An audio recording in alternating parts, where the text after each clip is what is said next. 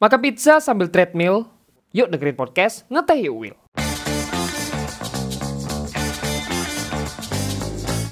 Jangan lupa pakai headphone ya untuk pengalaman yang lebih baik. Masa muda memang masa yang paling indah. Masa di mana semangat tumbuh megah tanpa kenal rasa lelah. Namun, kita tetaplah manusia yang rakus menyebut asa, meskipun itu harus terpaksa. Bekerja menjadi penting demi keinginan dan kebutuhan genting. Hasil culture memang terdengar nyaring, walau kebanyakan mencoba merasa asing. Warna biru dan warna merah. Selamat datang Aditya Ardiansyah. Uh, siap, siap, siap. siap. Terima kasih Wildan.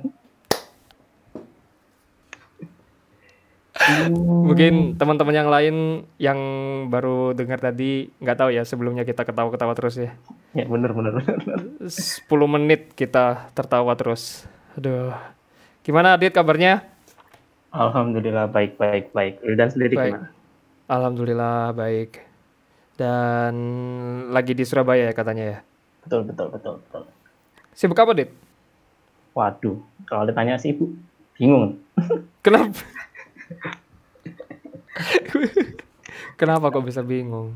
Kalau sekarang sih lagi apa ya bisa dibilang lagi magang lah, lagi intern Lagi magang. di salah satu startup sosial namanya Hmm. campaign.com eh, sebagai UX research. Terus juga lagi apa? Jadi desain grafis di desainer grafis di komunitas namanya belajar seutuhnya itu juga salah satu yang aku sama teman-teman aku kayak ikut ini, menginisiasinya gitu. Jadi kayak Oh. saya sekarang lagi di komunitas sama di startup. Oh, jadi sekarang jadi graphic designer. Iya karena Oh, terpaksa. gitu. Karena terpaksa. Terpaksa. Tiba-tiba tiba-tiba di, pertamanya saya itu pertamanya di apa marketing and branding Mm-mm. terus di chat dit kayaknya kamu pindah ke desainer grafis loh kan ya udah nggak apa-apa nggak kita nggak ada orangnya tapi saya nggak bisa desain bagus nggak apa-apa nggak apa-apa ya udah pindah Itu ya. Desainer grafis benar-benar dibutuhkan. Bahkan Iya. orang yang nggak bisa, bahkan orang yang belum bisa itu dipaksa bisa. Bayangin. Ya kan? Berarti sibuknya lagi magang ini ya. betul betul betul betul. Oke. Dan hari ini kita akan membahas tentang hustle culture. Aku Benar. baru dengar hustle culture ini kira-kira hmm, awal tahun deh. Awal Baru tahun. banget. Iya, baru banget. Padahal udah lama ya. Mungkin eh, pas aku baca-baca juga tentang hustle culture itu dulu tuh namanya workaholic. hmm Iya, workaholic. Sekarang hustle culture. Lebih fancy gitu. emang emang sih banyak sih eh, teman-teman kita atau teman-temanmu mungkin ya dan teman-temanku juga ada yang bekerja sampai wah pengen dapetin duit banyak gitu kan misalnya atau pengen gapai sesuatu. Nah sebenarnya eh, hustle culture sendiri itu menurutmu itu gimana dit? Hmm, oke. Paling tadi kan sempat dijelasin sama Wildan juga nih, kalau hasil culture tuh dulunya workaholic. Tapi sebenarnya tuh hasil culture tuh bisa disebut workaholic atau gila kerja gitu. Jadi sebenarnya kalau yang dari aku baca-baca juga dari beberapa dengar YouTube kayak podcast gitu hasil culture tuh emang sebenarnya udah ada dari tahun 1971 gitu.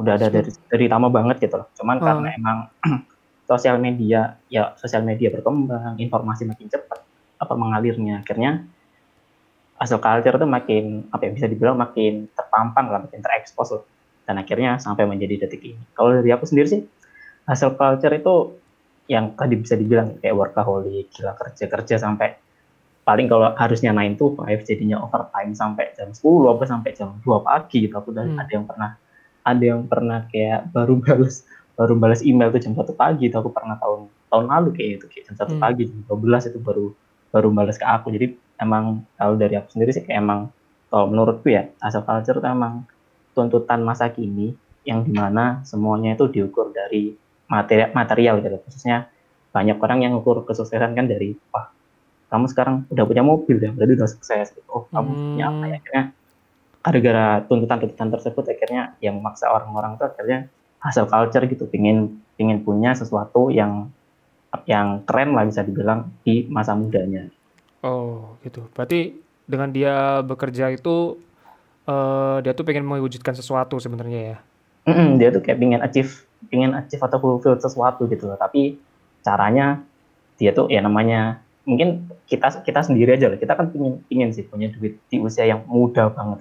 Ah, bisa, bisa buat seneng-seneng. Nah salah satu caranya yang eh, banyak orang hustler pikirkan tuh kan ya gimana gimana kalau aku kayak kerja terus aja terus kayak ya udah aku istirahatnya aku kurangin aku hustle terus biar bisa achieve atau fulfill itu gitu di usia yang muda itu hmm. itu sih yang aku baca-baca dan juga itu yang beberapa aku alami aku alami pun dan juga beberapa temanku tuh yang emang hasil culture tuh emang di situ sih pinginnya tuh kayak udah tuh udah punya target tuh di usia muda dia harus ngapain dia harus ngapain nah, Hmm. gara-gara target itu akhirnya emang hasil culture tuh makin booming sih kalau yang aku lihat sepenangkap tuh sih kayak gitu sih sama yang aku rasakan juga sebenarnya Berarti kamu pernah jadi salah satu fenomena ini? Wah kalau udah jadi udah gak usah ditanya Atau Mungkin- sekarang ini juga lagi jadi orang hasil culture? mungkin udah dari SMA kali ya kok dari Oh. dulu lah sebenarnya dari dari aku kecil tuh Oh. emang emang sering kegiatan ya. Jadi waktu aku SD pun itu aku biasanya pulangnya tuh jam 8 malam atau jam 9 malam gitu. Habis les, dulu kan aku les IF kan kayak les, les bahasa Inggris lah Ah, bahasa Inggris gitu. Nah, les bahasa Inggrisnya sampai malam biasanya sampai jam 9 jam 8. Akhirnya kebawa terus sampai sekarang gitu. Dan parahnya tuh sebenarnya sampai di kemarin tahun 2020 2019 2020 aku kayak pernah ngerasa kalau kalau aku istirahat berarti aku kalah sama orang lain. Jadi bener-bener kayak sampai pikiran tuh pernah pernah ada kayak gitu. Apalagi kan dari 2020 tuh TikTok orang-orang makin nge-share oh aku udah masuk misalnya masuk perusahaan X gitu. Caranya gini-gini loh. Wah, akhirnya kan kayak waduh aku kayak gini-gini aja dari kemarin. Akhirnya kan makin tertantang.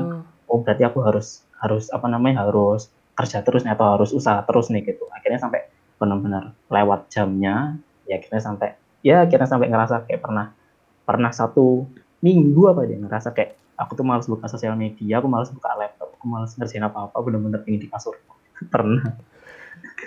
Saking eh, seringnya berhasil gitu ya sampai eh, ada masa di mana kamu pengen eh, ya udah pengen rebahan aja gitu ya. hmm, itu 2020 Oh. akhir gitu pernah Oh my god. Oh ya, Adit ini temen SMA aku. Jadi kita pernah jualan bareng.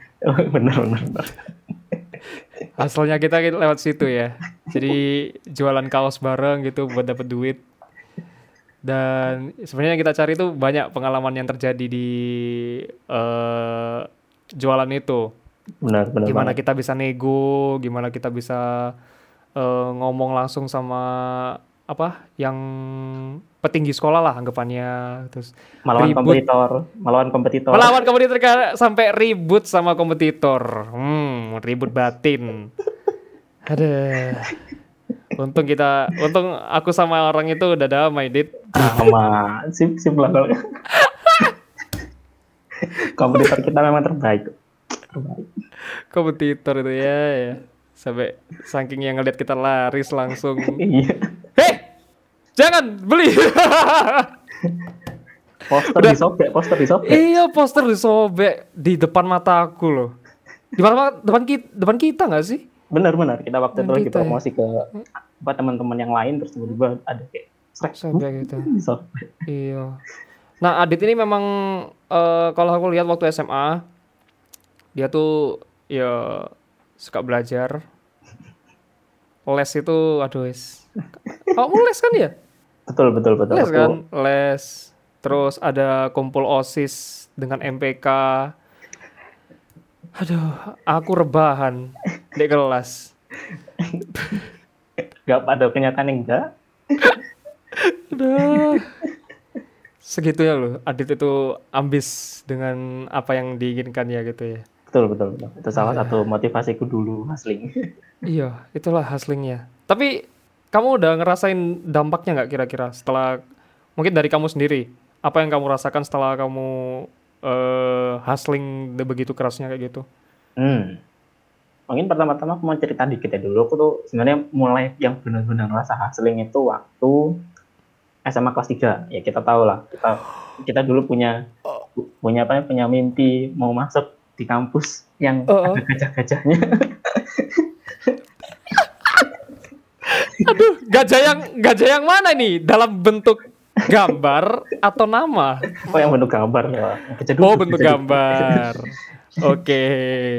Nah, ke- dari situ kan akhirnya punya motivasi dari awal kayak ya udah aku akhirnya mau belajar lah. Berarti kan kalau emang mau masuk situ ya udah aku akhirnya dari awal baru dapat buku G, buku les lah ya. Anggapannya buku bimbel gitu ya. Dari awal dapat soal itu udah aku kerjain sampai kayak udah setahun lah, udah setahun lebih itu aku belajar itu terus gitu untuk Hmm. memperdalam kayak sampai malam, sampai paginya lagi, sampai telat-telat itu aku udah bela-belain. Tapi ya aku percaya waktu itu kayak wah kalau aku udah kayak gini setidaknya aku keterima lah setidaknya gitu Ah, but it turns out ya malah masuk kampus yang mungkin orang belum tahu namanya gitu sampai sekarang gitu. Jadi kayak itu bener-bener apa ya itu hustling yang aku sadar juga bahwa ternyata hustling itu bukan apa ya bukan kunci dari kesuksesan gitu, bukan kunci dari bagaimana kita bisa mencapai sesuatu yang kita inginkan. Banyak faktor X yang X, Y, Z dan teman-teman Z kuadrat mungkin ya. Jadi apa namanya eh, faktor-faktor yang bisa membantu kesuksesanmu itu kayak aku dulu pernah sempat kayak orang ada orang yang kayak dia tuh nggak terlalu hustling gitu tapi dia tuh kayak punya prioritasnya yang lebih baik gitu jadi nggak hmm. nggak yang sampai malam-malam banget tapi eh, di lain itu dia tuh apa ya ada sisi-sisi yang lain bisa jadi dia juga hustling untuk sholatnya untuk ibadahnya atau Hmm. mungkin dia emang apa punya privilege yang lebih atau mungkin dia juga eh, yang pasti miracle itu juga ada kan miracle juga Hmm. membantu kesuksesan gitu jadi emang eh, hustling yang aku sadari waktu itu bahwa sebenarnya itu hustling itu bukan penentu kesuksesan gitu. cuman itu apa namanya eh, memang kerja keras tuh dilihatnya tuh sebuah wah itu keren ya berarti apa namanya usahamu tuh keren banget tapi sebenarnya itu bukan faktor bukan salah satu faktornya gitu jadi kalau kamu cuma kerja keras aja nggak ada pendukung lainnya ya nggak ada hasilnya kayak yang aku yang pernah aku alami gitu bahkan Hmm. mungkin di luar di luar sana banyak yang udah hustling lebih dari kita mungkin yang memang udah kerja utama ngambil side job tapi malah masih struggling buat hidupnya jadi emang Hmm. emang kayak gitu tuh salah satu faktor rasanya. Nah, kalau dari aku sendiri tuh hustling itu yang paling aku kerasa itu yang tahun 2020 tadi sih. Itu bener-bener pandemi yang mungkin kita Hmm. semua tahu pandemi. Kita nggak ngapa-ngapain di rumah. Terus di Instagram itu tulisannya pandemi jangan rebahan. Kita harus produktif. Semuanya harus produktif. Kan pasti denger kayak gitu kan kalau Yes. dari nah itu bener-bener kayak waduh orang-orang yang lainnya foto upload webinar upload lagi gini upload lagi. Ah, masa aku cuma tiduran cuma nonton anime nonton Eh. Netflix akhirnya kan kayak kepaci ya udah aku Eh.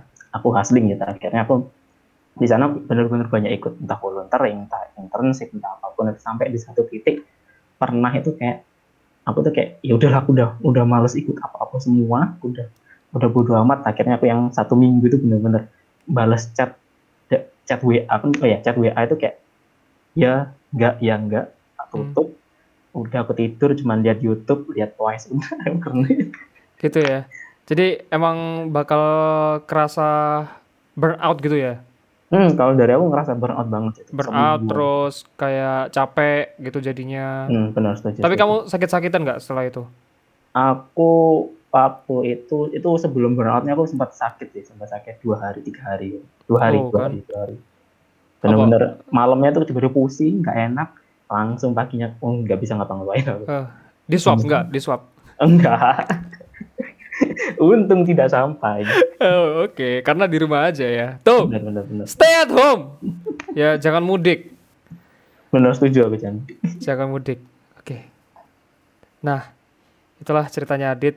Eh, berarti dampak yang kamu alami pertama ya ada juga burnout.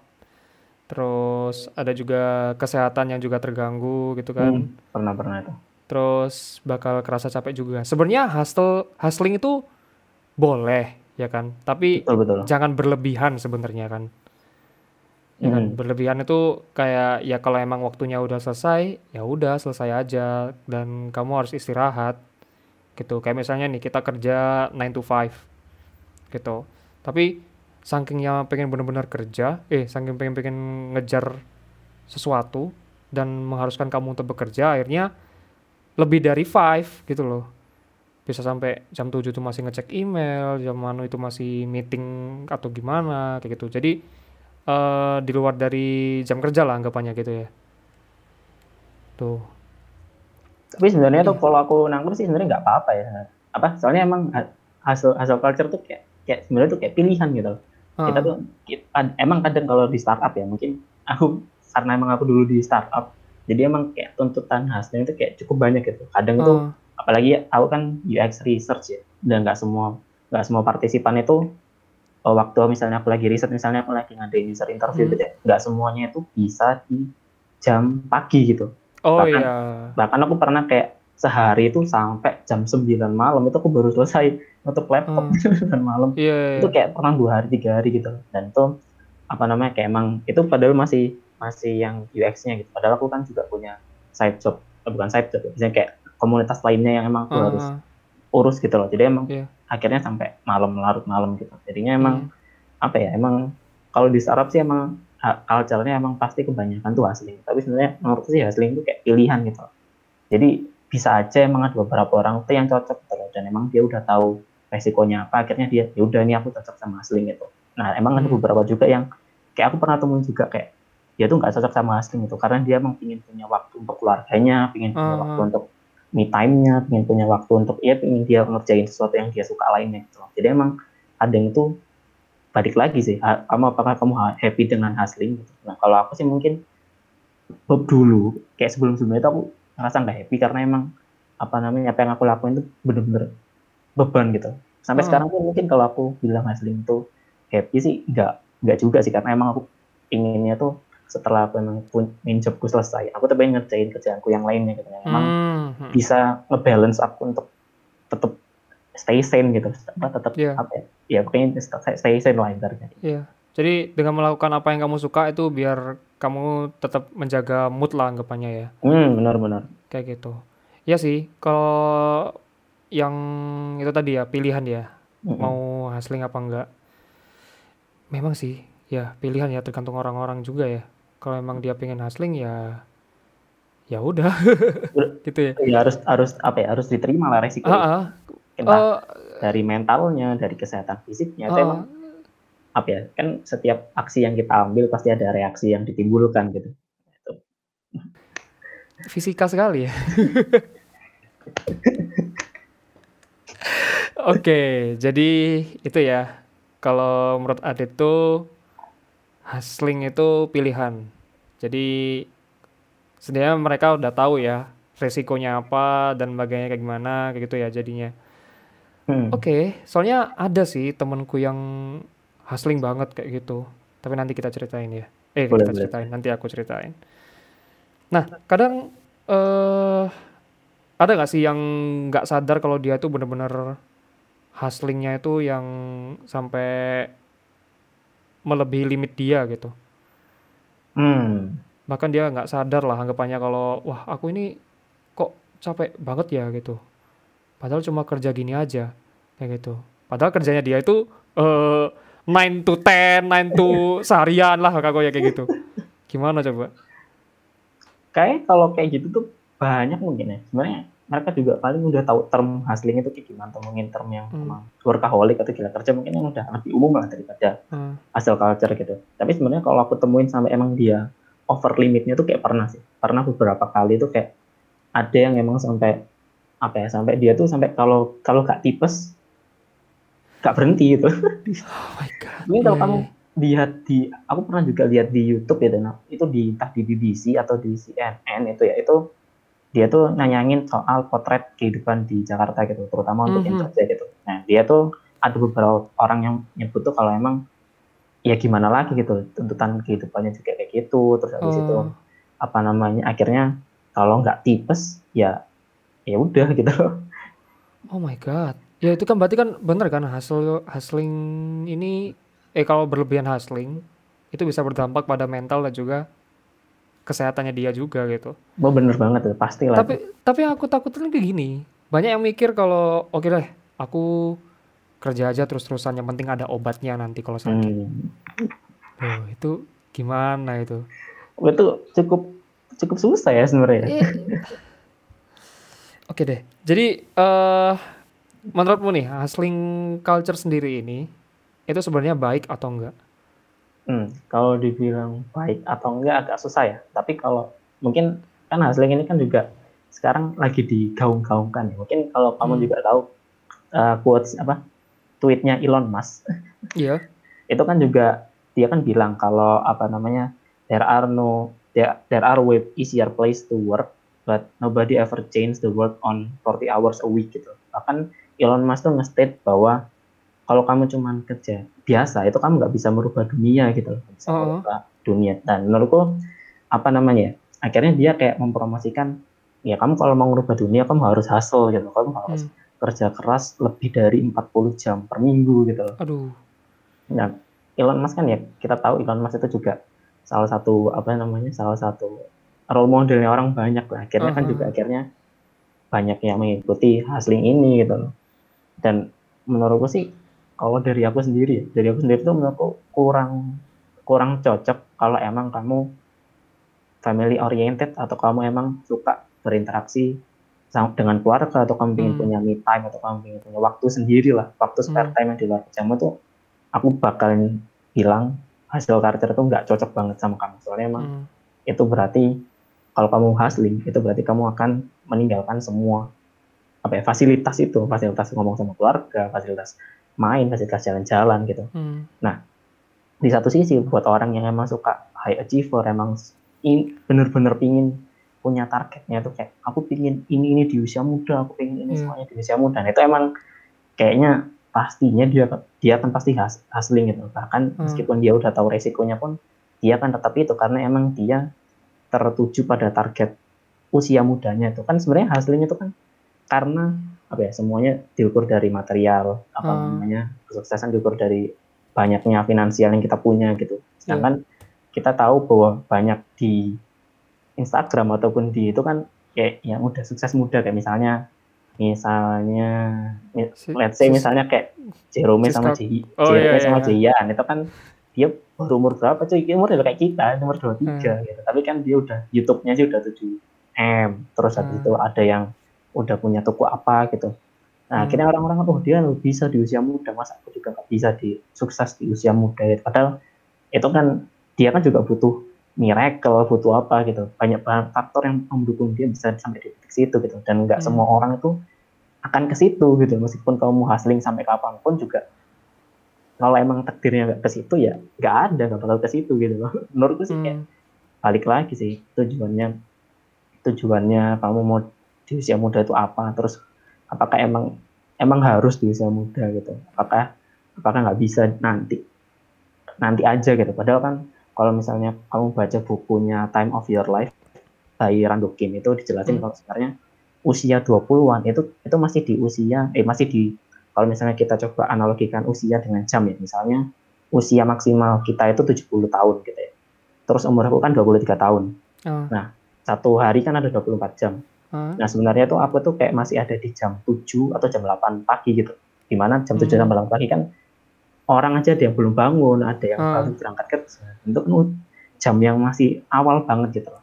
Nah kalau Hmm. kamu pengen ngejar di usia yang di usia yang muda banget, berarti kan kamu harus menyelesaikan semuanya itu di jam 9 apa jam 10. Padahal kita aja kerja loh, baru selesai setengah lima. Bener-bener kan Hmm. berarti kan kamu harus kayak nge-skip banyak hal untuk bisa nyampe ke jam itu. Menurutku sih, kalau dari aku sendiri tuh banyak dampak negatifnya ya. Tapi balik lagi ke orang orang-orang ngelihatnya kayak gimana. gitu. Apakah Iya. emang emang dia pingin banget ngejarnya kayak gitu atau Berarti emang eh, tergantung balik lagi ya tergantung dari orangnya itu tadi. ya kalau aku kayak gitu sih.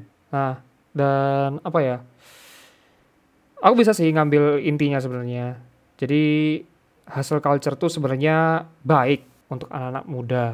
Cuma harus tahu limit. Gitu. Itu ada. Terus ada juga eh kita tuh sebenarnya harus menikmati prosesnya. Prosesnya, setuju. That's it kan. Mm-mm. Berarti kan kita benar-benar harus menikmati prosesnya, bukan cepet-cepetan Ah, gitu loh. Nah Betul, mungkin kebanyakan eh dari aku dapat ya dari ceritamu ya, mungkin eh dia tuh pengen benar-benar cepet untuk mencapai seperti role modelnya. nah, Kayak misalnya si eh, Jerome ya, dia udah punya bisnis, dia udah 7 m di YouTube kayak gitu. Hmm. Nah, sakingnya dia itu pengen seorang itu ya, seorang itu pengen ngikutin si Jerome. Akhirnya dia bener-bener wah, aku harus kayak Jerome kayak gitu. Sehari bikin dua video mungkin ya, sehari bikin tiga video. Jadi eh ngoyo akhirnya gitu loh.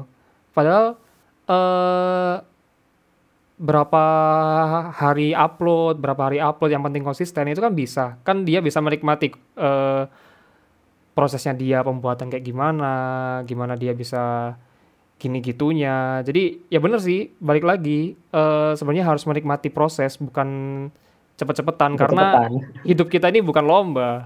Nah, setuju, Nah, setuju, setuju. Gitu. Itu lagi ya. Dan jangan lupa untuk eh, memperhatikan kesehatan karena kita di masa-masa yang sulit ya. Jadi kesehatan adalah aset utama. Nah kan percuma juga kalau misalnya duitnya banyak tapi malah sakit-sakitan. Nah, itu. Nah, kan Nah, aku sempat mikir gitu, Dit. Mungkin apa ya? Mungkin di antara apa namanya? orang-orang mungkin banyak orang yang mengira hasil culture itu buruk. Ada yang ngira hasil culture itu juga baik. Dan aku untuk menco- mencoba berada di tengah-tengah gitu loh. Antara baik dan buruk. Sebenarnya nggak apa-apa hasil, tapi benar-benar memperhatikan eh, kondisi tubuh dan juga mental hmm, gitu loh. Karena menurutku kesehatan itu itu yang paling penting. nomor satu lah ya. Iya, itu paling penting, beneran. Jadi aku sempat mikir gini, oke duitmu banyak tapi kamu sakit gimana? Terus kamu buat bayar apa namanya? Buat bayar rumah sakit pakai uang yang kamu itu, terus habis kamu kerja lagi. Bener-bener setuju sih. Iya nggak sih? Bener-bener analoginya. Aku mikir sejauh itu loh, makanya aku suka aku nggak yang harus bener-bener ngoyo.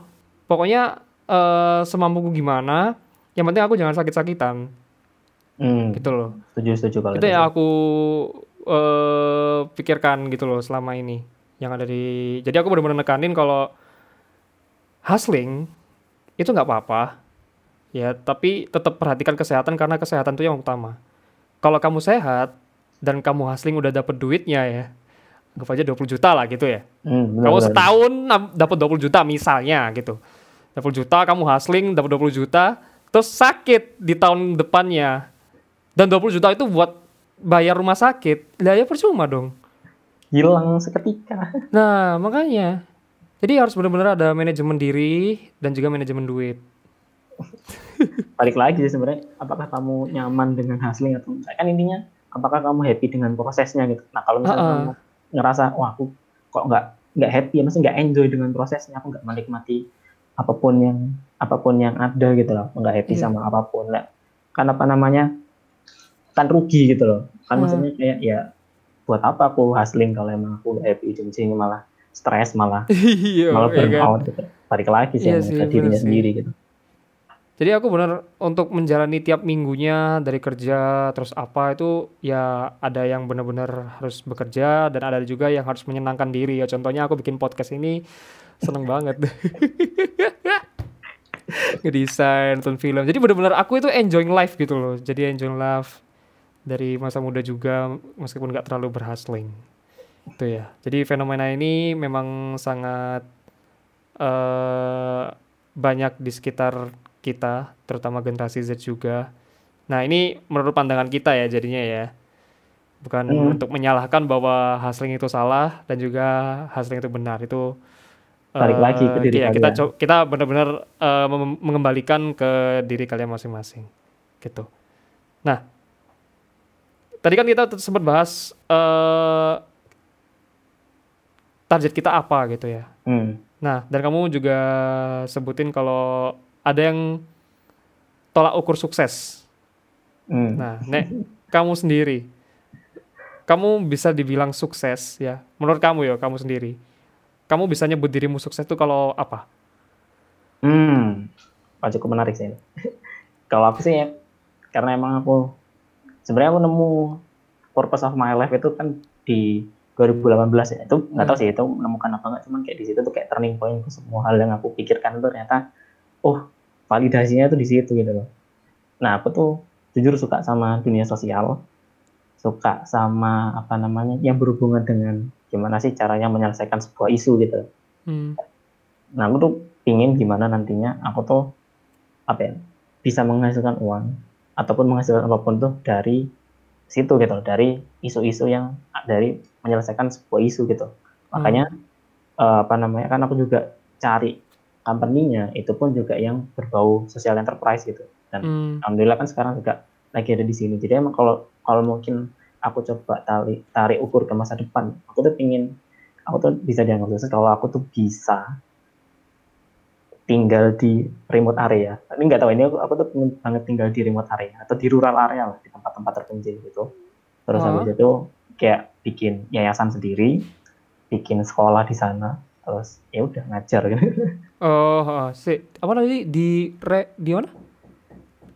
remote area atau di tempat daerah terpencil lah gitu daerah Tempat yang- daerah terpencil. hmm kayak gitu gitu Oh, iya. Si, si, Dit. ibuku ibuku nyeluk. Halo, Dit. hmm? Ya, tadi apa namanya di remote area?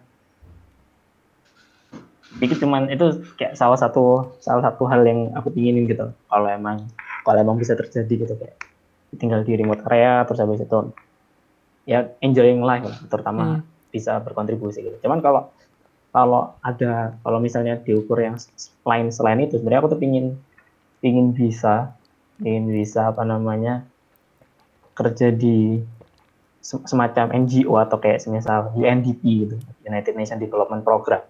Kayak salah bagiannya dari United Nations gitu. Terus kayak di sana tuh kan banyak banyak banget tackling isu yang ada di global gitu kan nah aku tuh Hmm. pingin pingin banget bisa kayak berkontribusi bersama orang-orang sosial gitu sih Hmm. Nah itu aku bisa nganggap diriku sukses tuh kalau aku bisa berkontribusi di sana. Gitu. Oke, berarti eh, Adit bisa menyebut dirinya sukses kalau bisa berkontribusi untuk dunia. Hmm. Wes. Skopnya luas sekali ya, tapi emang itu salah satu yang aku pingin sih sebenarnya. Iya. Oke. Apa aku harus menyebutkan sukses kayak gimana juga? aku juga masih belum terbayangkan suksesku seperti apa. Tapi ada sih, kalau target terdekat kira-kira apa, Dit? Target terdekat, hmm, target terdekat apa ya? Tapi kalau target terdekat sih simple sih kayaknya. Apa namanya bisa dapat full time. Hah? Terus habis itu kalau dari aku sendiri tuh aku pingin bisa apa namanya ikut volunteering lagi gitu kan Hmm. udah setahun setengah ini kan eh, apa namanya kita cuma di rumah aja terus kayak ya udah gitu di rumah aja meskipun volunteering pun volunteering online gitu nah aku tuh pingin banget gitu loh kayak kan banyak banget tuh program yang entah volunteering ke Filipina atau ke Thailand ataupun yang Oh, ke iya. daerah-daerah terpencil yang ada di Indonesia gitu. Bahkan sebenarnya di komunitas yang aku yang aku diri yang yang aku bergabung ini pun juga sebenarnya itu harusnya ke remote-remote area gitu. Cuman karena pandemi ini akhirnya terbatas lah. Oh iya. Oke. Itu ya. Jadi itu full time-nya pengen jadi desainer juga atau UX? UX dong UX. Oh, UX. Jangan desainer saya stres. Berarti eh, eh, desainmu sampai mana, Dit? Bisa mengoperasikan Photoshop, Illustrator? Main Figma sekarang aja ya. Oh, main Figma. Ya, ya. Tapi kalau mau belajar Photoshop dan Illustrator bisa ke Designer Alpha. Kamu bisa belajar desain di desaineralpha.com. Langsung daftar ya. Sip, sip. Langsung tak mentorin. Wes. Oke, mungkin kita sekarang membahas tentang eh, apa yang ada di question box ya. Boleh, boleh, boleh. Iya, Silakan. mungkin orang-orang ini entah ya. eh, mungkin gara-gara aku jarang upload selama berapa bulan ya. 8 bulan mungkin sampai sekarang itu jadi engagementku turun gitu. Dan bahkan question ini yang jawab itu cuma dua. Satunya ketawa, satunya benar-benar serius. nah, ada di temanku di Boleh, boleh. boleh. Eh, dia itu wah hustling banget parah tapi emang sih gajinya besar sih dia Oh. dia eh, di Jakarta Hmm. gajinya besar banget parah terus aku dengar ceritanya gitu kan dia tuh sempat minum kopi sehari itu bisa 3 sampai 5 gitu Woi, ginjal, woi. makanya aku kan kasihan gitu Hmm. kan dikurangi po gitu loh dan dia tuh sempat kalau misalnya nggak minum kopi itu pusing Oh, kamu udah kebiasaan sih itu. Iya, makanya aku lihat kan, lihat di internet kan, kenapa kok nggak minum kopi tuh pusing. Ternyata kafeinnya itu udah apa ya? Ya anggap bukan kafein sih juga. Bener gak sih kafein? Aku lupa. Ini kafein kalau yang ada di kopi Iya, itu kafein. eh, jadi ada unsur di mana itu eh, kalau misalnya nggak terpenuhi, dia bakal pusing gitu loh. Ya ada di Oh. kopi itu, gitu.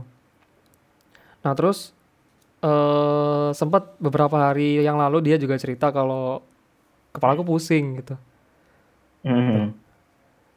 Ya udah diminumin obat aja gitu. Stoknya habis, tiap hari aku minum. Buset. Oh, tiap hari. Padahal minum obat tuh kan nggak boleh tiap hari. Kalau ini kalau yang aku tahu ya. Soalnya kan kalau misalnya obat kan racun, terus nanti diproses ke ginjal. Nanti kan kalau nggak salah, kalau nggak salah ya, aku bukan kedokteran juga itu kan bisa mempengaruhi gagal ginjal kalau iya nggak sih? Nah, nggak tahu sih itu emang ranah dokter ya. Tapi Iya. kalau misalnya itu memang tiap hari, menurutku itu wis gak, gak Keterlaluan. beres sih. Gak beres, gak beres. Gak beres sih. Enggak nih. Segitunya loh haslingnya. Memang nggak eh apa ya? Ada, udahlah, nggak usah dibahas. ya itu ya yang aku bener-bener takutin dan eh banyak yang bilang eh, hasling aja nggak apa-apa. Aku takutnya itu ada pikiran kayak gitu loh. Hmm. Hasling, tapi kalau misalnya itu aku sakit dan ada obatnya, aku hasling nggak apa-apa. Oh. Itu loh yang aku takutin. Dan aku bener-bener nahan itu gitu loh. Udah aku tanemin waktu di awal, waktu kalau mau kerja, jangan ngoyo, tapi manajemen waktumu tetap baik. Terus kalau misalnya eh udah gak enak badan, ya udah istirahat kayak gitu loh. Jangan bener-bener hustling. Berarti lebih ke prioritas gitu ya? Iya, jadi prioritasku sekarang itu emang bener-bener kesehatan. Gitu loh. Tapi awakmu sering minum obat ah? Hmm, alhamdulillah kak. Gak pernah siapa tuh paling males gitu minum sama minumnya, sama namanya minum obat gitu. Jadi kayak sebisa mungkin, sebisa mungkin tuh jangan sampai aku minum obat gitu. Meskipun Iya. hustling gitu. Podo sih. Alhamdulillah nih ya jarang sih aku minum obat. Paling obat mata kita. Ya, gara-gara lihat laptop terus kan. Benar, benar, benar. Oke. Ya itulah cerita temanku yang tadi ya. Aduh. Kasihan sih sebenarnya. Kasian banget gitu. Ya, ya udahlah. eh doakan yang terbaik. Betul, betul. Semoga tercapai eh, mimpinya. Oke. Ini ada temanku nih. Sering ngejar opportunity, kadang rada over. Gimana cara manage-nya? Waduh, itu sebenarnya mungkin kita alami juga nggak sih? Misalnya kita dapat apa namanya, ada banyak opportunity, kita tuh Hmm. ingin ingin bisa dapetin semuanya. Kalau ada kan, aku juga pernah sih ngerasa aku pernah kayak dapat beberapa opportunity gitu. Terus Hmm. kayak dapat apa namanya, dapat kesempatan gitu untuk bisa berkontribusi ke semuanya gitu. Dan aku, Hmm. itu pun pernah terjadi gitu. Akhirnya aku masukin semuanya. Waktu semester eh semester 6, eh 6 5 apa 6 gitu. Aku tuh kayak dapat ikut tiga organisasi gitu. Yang satunya itu benefitnya emang gede karena emang Hmm. bisa apa namanya kayak ke internasional. Terus habis itu ya salah satunya juga bisa bawa aku ke dampak yang internasional juga. Dan Oh, itu yang sama Aldo tuh bukan sih? Nah, itu salah satunya. Kebetulan aku Oh, aku masuknya di tahun 2018 eh Hmm. di tahun 2019 di semester 6 ya jadi aku semester 6 itu kayak ada tiga hal yang aku kerjain selain kuliah gitu nah itu bener-bener ngerasa semuanya tuh kayak nggak maksimal gitu akhirnya aku mau Hmm. akhirnya kayak otomatis kan aku bikin prioritas kan mana yang harus Hmm. aku maksimalin sesuai dengan benefit yang apa kalau aku dapat akhirnya hmm, ada satu organisasi yang emang aku korbankan gitu mau nggak mau hmm, karena emang itu udah mungkin kalau buat aku itu udah nggak relevan dan itu juga apa namanya aku udah banyak berkontribusi gitu loh dulu satu tahun ke belakang gitu. akhirnya hmm. ya udah akhirnya aku lepas akhirnya aku cuma berkontribusi gitu sebenarnya kalau kayak banyak opportunity itu balik lagi gimana caranya kita ngelihat eh, apa sih yang kita mau apa sih benefitnya gitu. Mungkin juga bisa apa namanya kalau misalnya kalau misalnya di ajaran Islam kan bisa istiqoroh lah bukannya Ah, gitu. Tapi sebenarnya oke. kalau kalau dari apa sih lihat kayak prioritasnya sih kamu tuh maunya kayak gimana terus apakah emang kalau kamu ambil semua opportunity-nya itu kamu mampu dan kamu happy menjalaninya? Hmm. dan emang dan emang kalau kalau emang kamu gak happy ya udah pilih salah satu aja. Yang emang Hmm. paling relate dan paling banyak memberikan benefit ke kamu sih. Itu sih menurutku Iya sih. Jadi benar-benar harus ada- harus dilihat lah kira-kira benefitnya yang seperti apa. Hmm, karena kan kita mau join opportunity itu kan pasti uh, selain kita misal nih kalau misalnya misalnya kalau kerja kan misalnya selain kamu berkontribusi ke apa area yang akan kamu tekuni hmm. tapi kan kamu juga akan dapat benefit gitu kan benefit yang akan kamu dapat gitu entah itu misalnya dari uh, allowance atau dari apa pun gitu, gitu. Hmm. nah itu bisa bisa dilihat mana sih yang paling cocok sama kamu entah dari culture-nya atau mungkin dari apa namanya dari industrinya atau kayak gimana hmm. itu benar-benar harus cek apa sih yang paling kamu ingin paling paling yang kamu dapetin hmm. kalau aku sendiri sih gimana ya untuk nge-manage itu mungkin jangan terlalu banyak diambil lah anggapannya. Kita kan hmm. kan cuma ada 24 jam. Anggap aja kita kerja, anggap aja kita kerja 9 sampai jam 5 kan. Jam 9 hmm. pagi sampai jam 5 sore. Hmm. Dan kita kan ada sisa waktu tuh.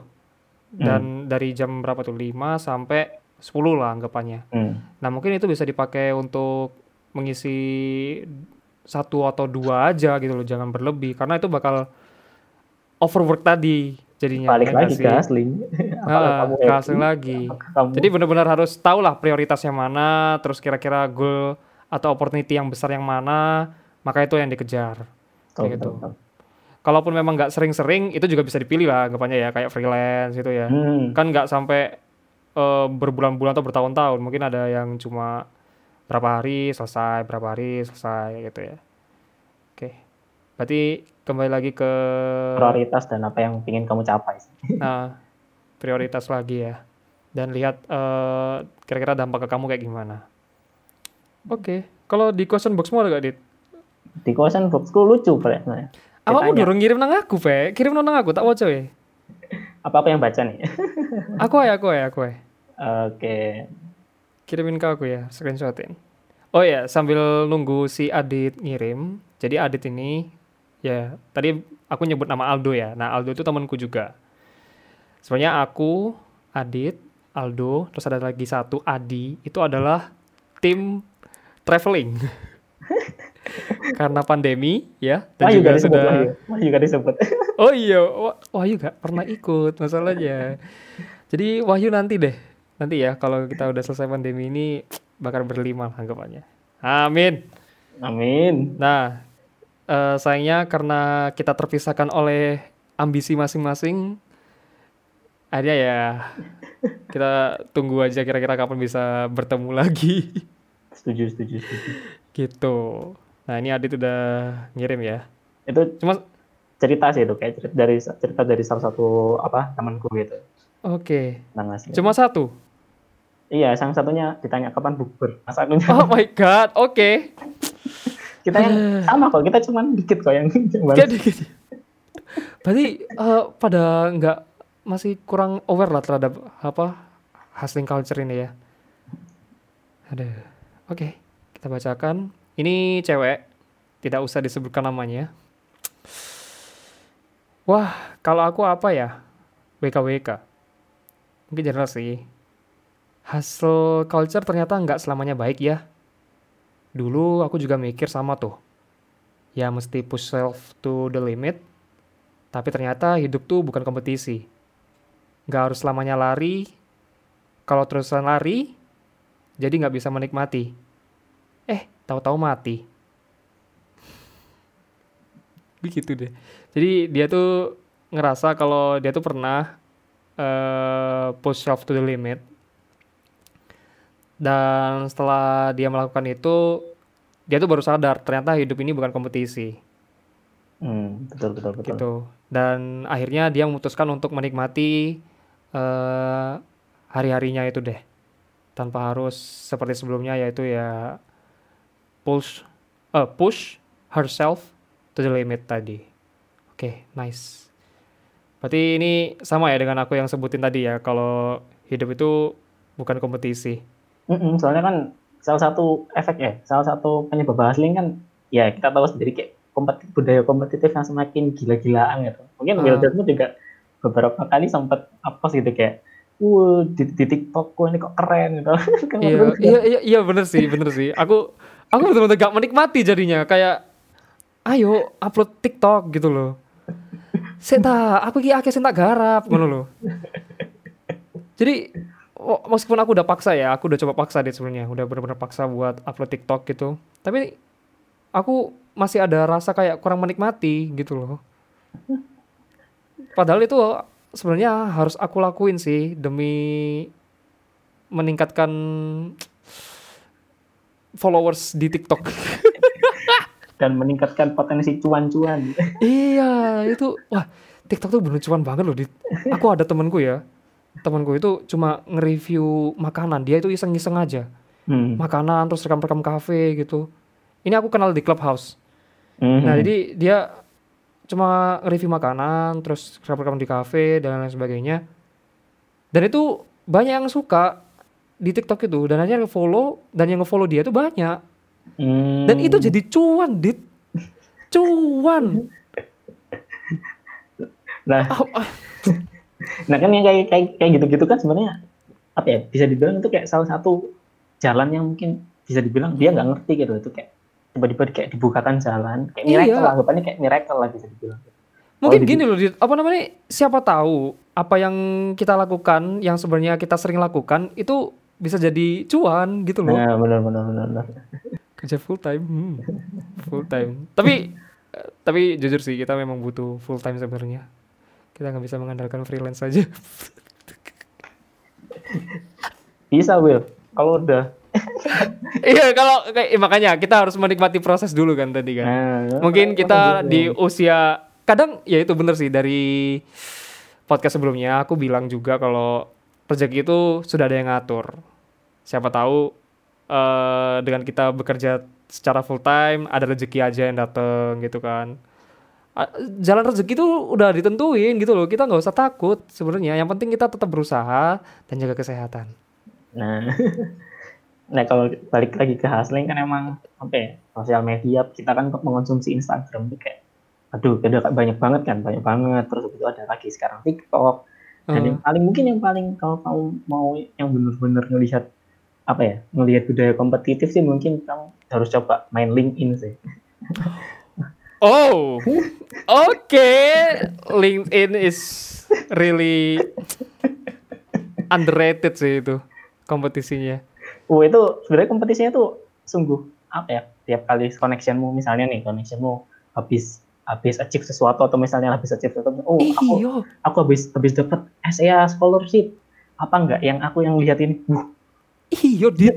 Ya Allah, iyo beneran wis bener wis. Bener. Kadang ada yang habis ikut ini, habis menang ini. nyelesain project apa gitu kan. Aku ya lihat, aku kan followanku kan anak-anak desain. Mm. Ada yang kerja di perusahaan game yang aku suka. Portofolionya bagus gitu. Aduh, aku langsung insecure. Aduh, aduh. Aduh. Aku iso gak sih kayak gini? Mesti mempertanyakan diri gitu jadinya gitu loh paling pertanyaan paling selain kamu apa namanya selain kamu mempertanyakan diri kamu juga pasti wah aku berarti harus kerja lebih keras gitu nah iya bener bener jadi selain selain insecure ya kita tuh jadi terpacu untuk apa meningkatkan diri lagi gitu loh tapi tetap harus memperhatikan jangan terlalu berlebih lah. Itu loh. Nah sebenarnya bagus sih kayak apa namanya kita termotivasi sama uh berarti ada orang yang ada orang keren nih. Kita berarti harus bisa lebih lagi nih biar bisa apa namanya bisa mungkin bisa selevel atau mungkin sebanding dengan dia kita mungkin lebih gitu. Nah cuman balik lagi sih kadang apa yang kita lakukan itu kayak akhirnya over gitu. Over. Hmm. padahal padahal apa namanya uh, apa ya bisa dibilang kompetisi itu emang bikin kita ngerasa kalau kita istirahat itu kita kalah dengan yang lain. Itu sih loh yeah. yang paling aku benci sebenarnya. Gitu ya aduh. Ya lah ya pokoknya intinya uh, kita benar-benar harus menikmati proses yang kita jalankan. Bahkan Gary V sendiri tahu Gary V kan? Tahu tahu tahu. Jelas lah. Dia tuh dia tuh pernah bilang kalau dia tuh tidur jam eh tidur 9 sampai 10 jam uh lama juga berarti Gary loh kita tidur jam berapa dit berapa jam kita tidur aku biasanya tidur jam 12. Jam 12. Normal lah, normal. Untuk untuk kalangan usia aku tuh kayaknya masih ada yang lebih parah lah. ada yang lebih pagi lagi. Aku paling dihitung cuma berapa jam ya? empat lima atau iya eh segitulah kalau kalau hitungannya sambil bangun subuh paling empat paling empat lima. Tapi kalau Iya. kamu benar-benar nggak sholat subuh sampai jam 8 ya bisa lama. Iya sih. Iya, tergantung lagi. Tergantung lagi orangnya gimana. Kalau kita kita ya jam segituan lah ya. Ada 4 sampai 5 jam kita tidur. Kirivi aja 9 sampai 10 jam. Sukses. Ada itulah balik lagi sebenarnya prosesnya itu harus kita nikmati sih. Maksudnya Hmm. kayak apa namanya eh, emang hustling culture itu kalau aku simpulin sih hustling culture memang eh, ada dampak positif sama dampak negatifnya gitu. Nah, c- apa tergantung dari kita ngelihat perspektifnya itu dari mana gitu. Apakah kamu emang orang yang benar-benar stuck banget sama target usia muda harus punya sesuatu yang banyak, hmm, akhirnya kamu mengorbankan kesehatan semuanya demi bisa mencapai itu ju- juga ada. Karena emang hmm, apa namanya kan bisa kayak ruang guru ataupun banyak startup-startup yang lahir yang keren-keren itu kan juga di- bisa di- bisa dibilang kayak mereka juga hasil gitu loh hmm, dan emang mereka menikmati hustling tersebut gitu akhirnya emang meskipun dia tahu resikonya kayak gimana dia tetap menikmatinya akhirnya ya oh it's okay buat mereka gitu. tapi Hmm. kan ada beberapa orang yang merasa akhirnya dituntut hustling malah stres malah burnout akhirnya malah nggak perform nggak produktif gitu Hmm. kan juga ada apa namanya ada beberapa orang tipe orang gitu kayak yang emang harus menyesuaikan gitu. Tapi emang hmm, kalau dari apa namanya kalau dari eh, vlognya kita Saf, kita Saf Fitri pun juga pernah bahas hustling culture kan. Dan di Hmm. mana hustling culture itu sebenarnya eh, kayak apa namanya kayak efek dari ya semakin apa namanya semakin banyaknya tuntutan semakin banyak tuntutan dari generasi milenial terus banyaknya informasi yang melewat banyaknya kompetisi yang akhirnya semakin fierce semakin gila-gila akhirnya hmm, mem- mempercepat hustling culture tersebut gitu loh padahal hmm, sebenarnya kan apa ya kalau dari risetnya OECD gitu apa namanya salah satu lembaga OECD gitu itu bilang kalau sebenarnya semakin banyak kita bekerja produktivitas kita kan makin menurun gitu. hmm. berarti ada unsur work smart juga ya working smart smart working Nah bisa dibilang kayak gitu. Iya. Itulah ya. Itulah. Lebih lebih ke manajemen yang dibilang sama Wildan tadi. sih. Ah, jadi benar kita harus bisa yang mungkin yang pertama adalah kita harus tahu manajemen kita, manajemen waktu, manajemen keuangan gitu ya, manajemen diri. Baru kita masuk ke hustling. Nah, di hustling itu gimana kamu bisa bekerja keras ya. Tapi antara keras keras banget dan juga keras keras soft. Oh, keras keras soft. Jangan keras keras banget gitu loh maksudnya. Nah, ada yang eh, hustling itu bisa sampai sakit-sakitan dan juga kena mental. Dan juga hustling itu eh yang tidak ya work- working smart lah tadi ya. Oke, memang rada sulit sih ini untuk pembahasannya ya. Jadi ini benar-benar pendapat kita ya.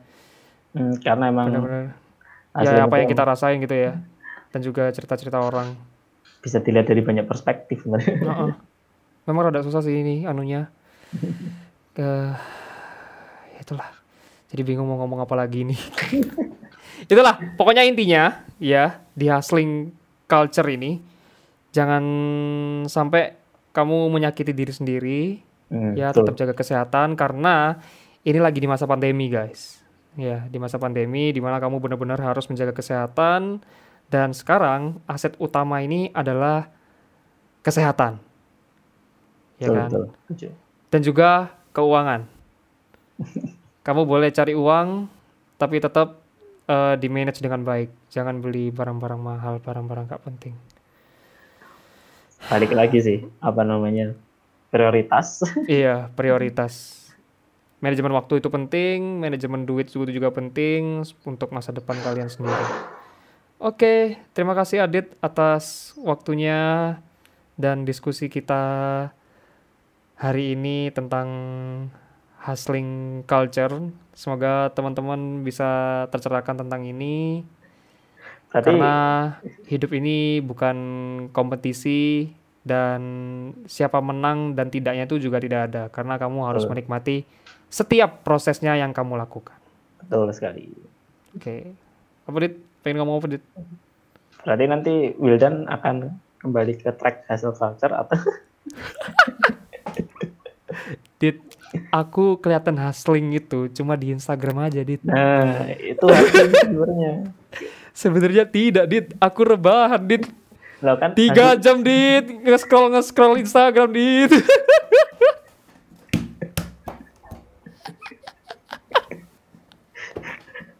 lo kan hustling kan intinya juga salah satu salah satu dampaknya kan karena perlombaan produktivitas ya kita berlomba-lomba produ- produktif terus upload di story uh yang ini rek lagi lagi bikin podcast oh, aku harus juga Iya. bisa bikin akhirnya hustling lomba-lomba lomba-lomba Aduh. Modar Iya, makanya aku bener-bener nggak terlalu ngoyo sih untuk di podcast ini. Jadi ya adalah ada ada jadwalnya jadwalnya sendiri. Oh nanti podcast sama ini, sama ini, sama ini jam segini, jam segini. Udah. yang Nggak penting harus. kamu enjoy sih Bil. iya, yang penting aku enjoy gitu. Udah deh, itu aja. Terima kasih Adit atas waktunya. sama-sama Will Semoga sehat-sehat selalu dan bisa mendapatkan kerja full time amin dengan segera karena kita masih muda, full time pun nggak apa-apa. Oke, sampai jumpa di episode selanjutnya ya, Dit.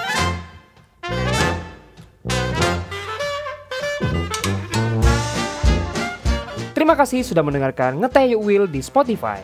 Oh iya, kalau lagi dengerin, jangan lupa tag di story Instagram kamu ya. Sampai jumpa di episode selanjutnya.